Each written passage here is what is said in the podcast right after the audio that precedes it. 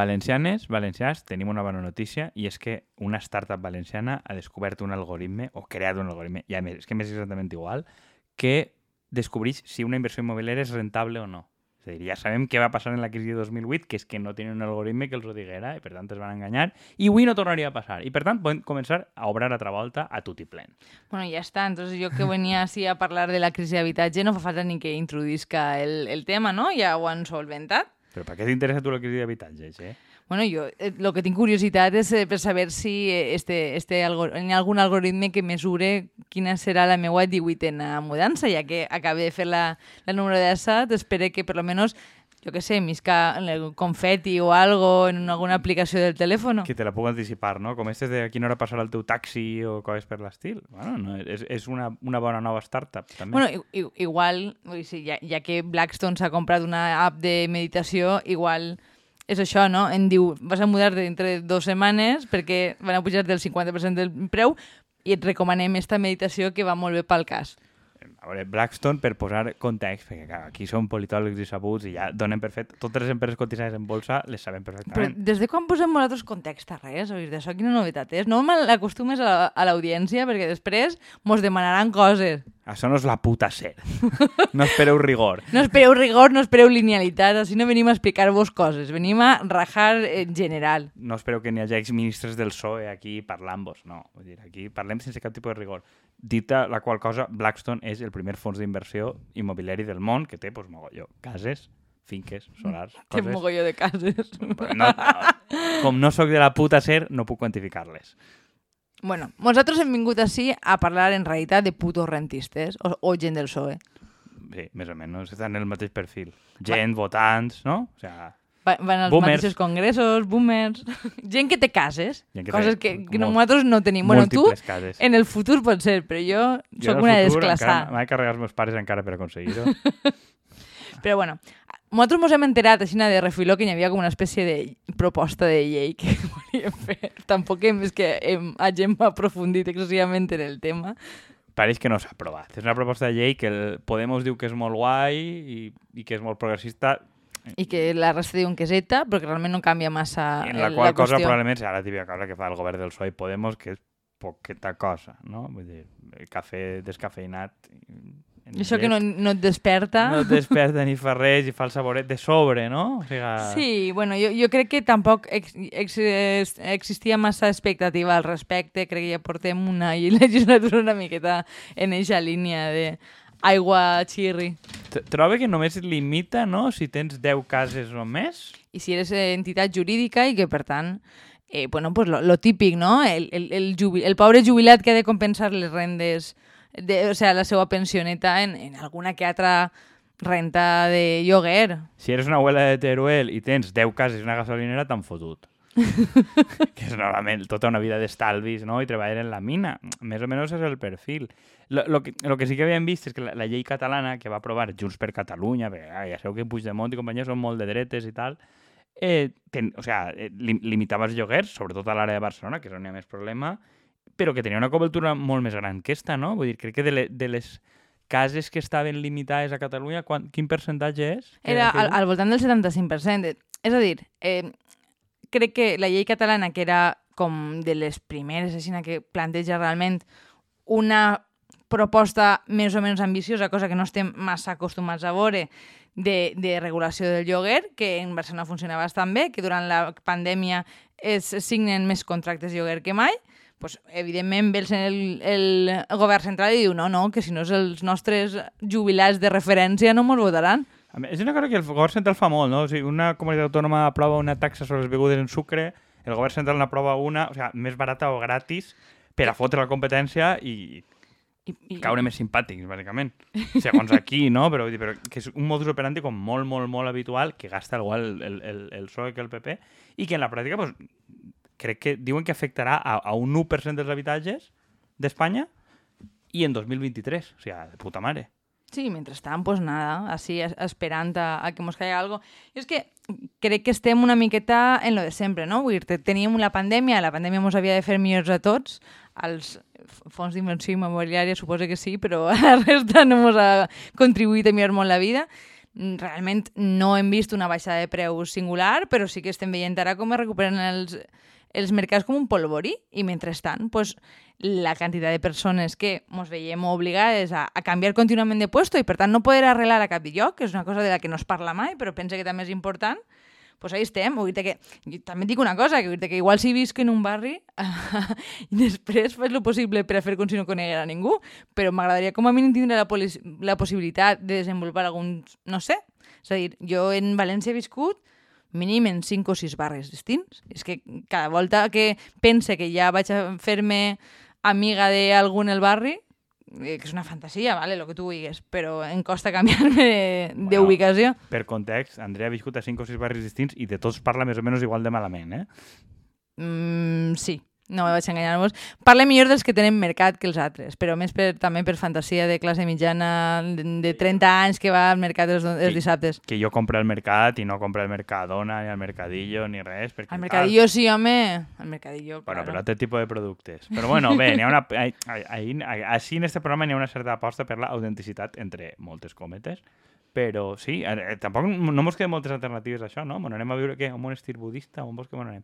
Bueno, anem eh, allí on estava el Richard Gere en, sí, en Pedreguer, sí. en una urbanització de hippies. Sí, no, no, no, lo de, lo de Pedreguer és, un, és el monestir budista més gran d'Europa. Crec que el número dos del Dalai Lama, que però... és algo lama, o sea, lama és, este sí, però, però vull dir que para com una... O sea, no deixa de ser un edifici blanc lleig que pareix un hospital.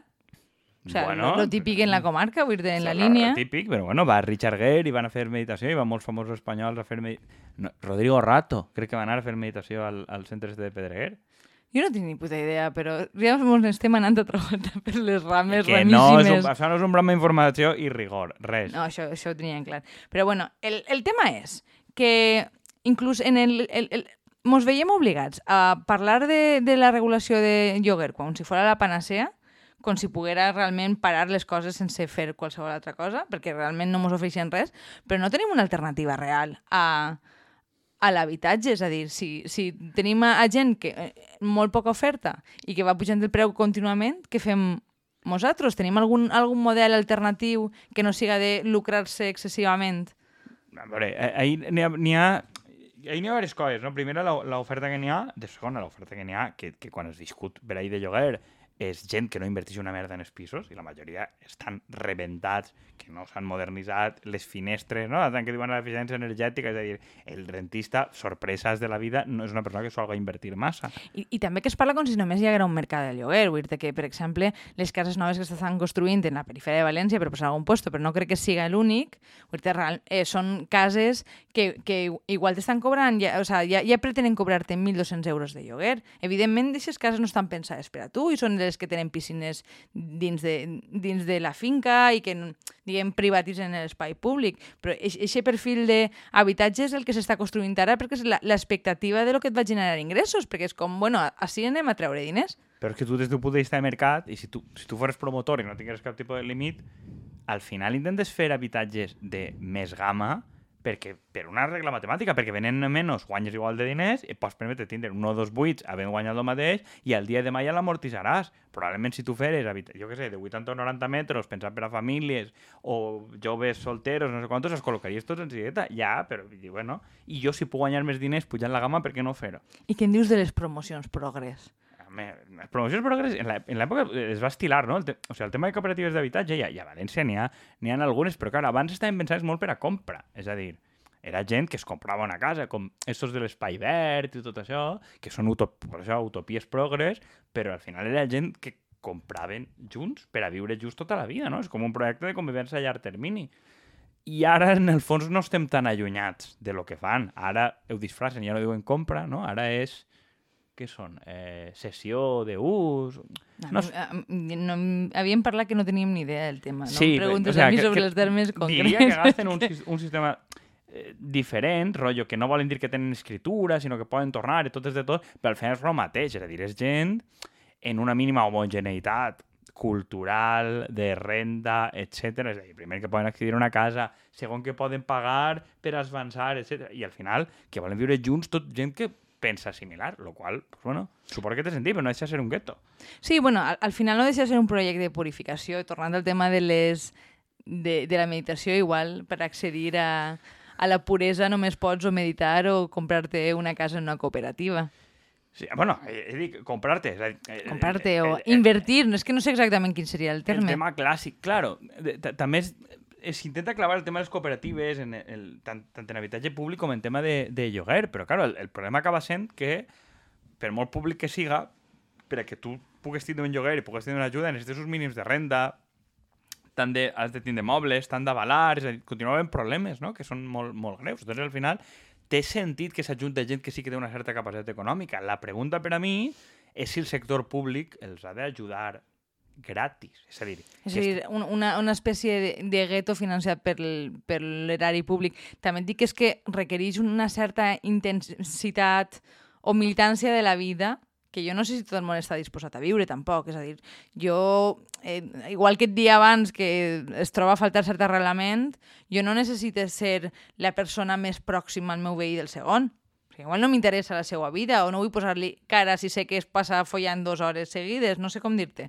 Hi ha determinades distàncies dintre d'un lloc molt proper que, que igual vols mantindre també. Claro, algú, algú dels dissenys que, que, que hem vist per ahir, no? que que s'han plantejat, de gent que demana que, que l'agència, no? la, la, Agència Valenciana d'Habitatge i Sol, bueno, no sé com es diu, l'entitat valenciana d'habitatge i sol, que demanaven que es donaren sol, eren projectes que eren molt bonics, però eren com parc compartit, espai per a fer assemblees, paellera, no Espai sé per a fer assemblees, mira, és el meu puto malson, Eh, honestament. Exactament, és com dir, hòstia, ho has triat per tota la vida, que d'una assemblea normal te'n vas, però de... i què passa si tu no et mola el rotllo?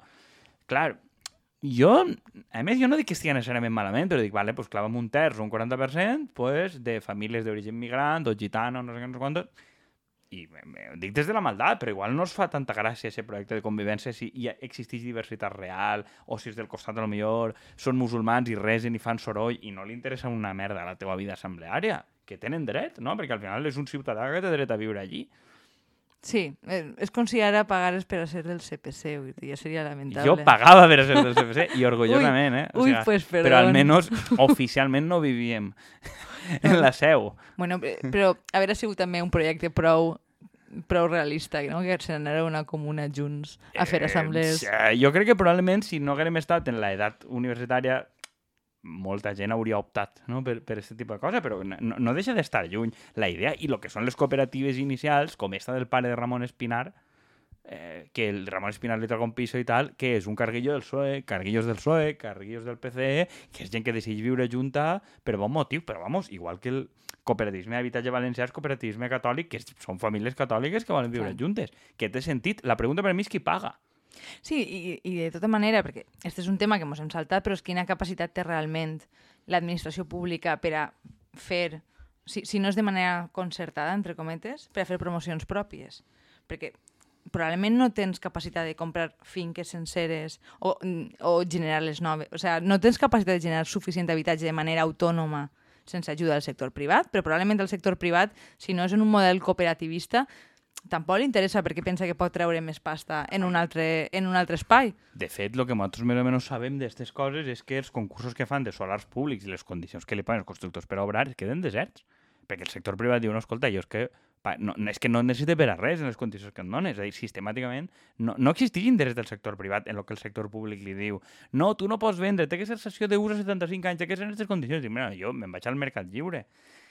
I crec que ahí tenim un problema que excedeix l'àmbit d'aquest programa, que no, només s'han de veure solars que queden dins de les ciutats. A, a, a València és marcadíssim, però no només que no es construïssin i la gent, la gent, la gent, enteneu que els constructors són la gent, s'estima més anar a la perifèria a fer coses de gamma alta, vull dir, Sí, bueno, jo tornant al tema d'abans, eh, no sé si la- l'Agència Americana d'Habitatge dia que no s'havia construït mai tant com abans, però que estava orientat molt als quintils de renda, probablement un, un, un, el, els quintils de més renda. Probablement tu, una promoció nova d'habitatges que tu facis en el centre, pots fer molt poques cases, mm, xicotetes, eh, en algunes ni tan sols podràs posar ascensor, per tant, si tu realment vols fer un preu gran, no, no podràs no cap cotxera, molt sovint, és a dir, o cap molt poc, però que vol fer en alçada, i a més, probablement, caben poques plaques solars, que ara va ser el que va de moda. El nou govern d'Alemanya ha dit que una de les coses bàsiques és que totes les teulades d'Alemanya van a placa damunt. Sí, bueno, eh, eh, això és un tema que també podrem tractar en, en altres ocasions, perquè crec que este és un tema que ens toca molt i, per tant, sempre veiem moltíssimes ramificacions.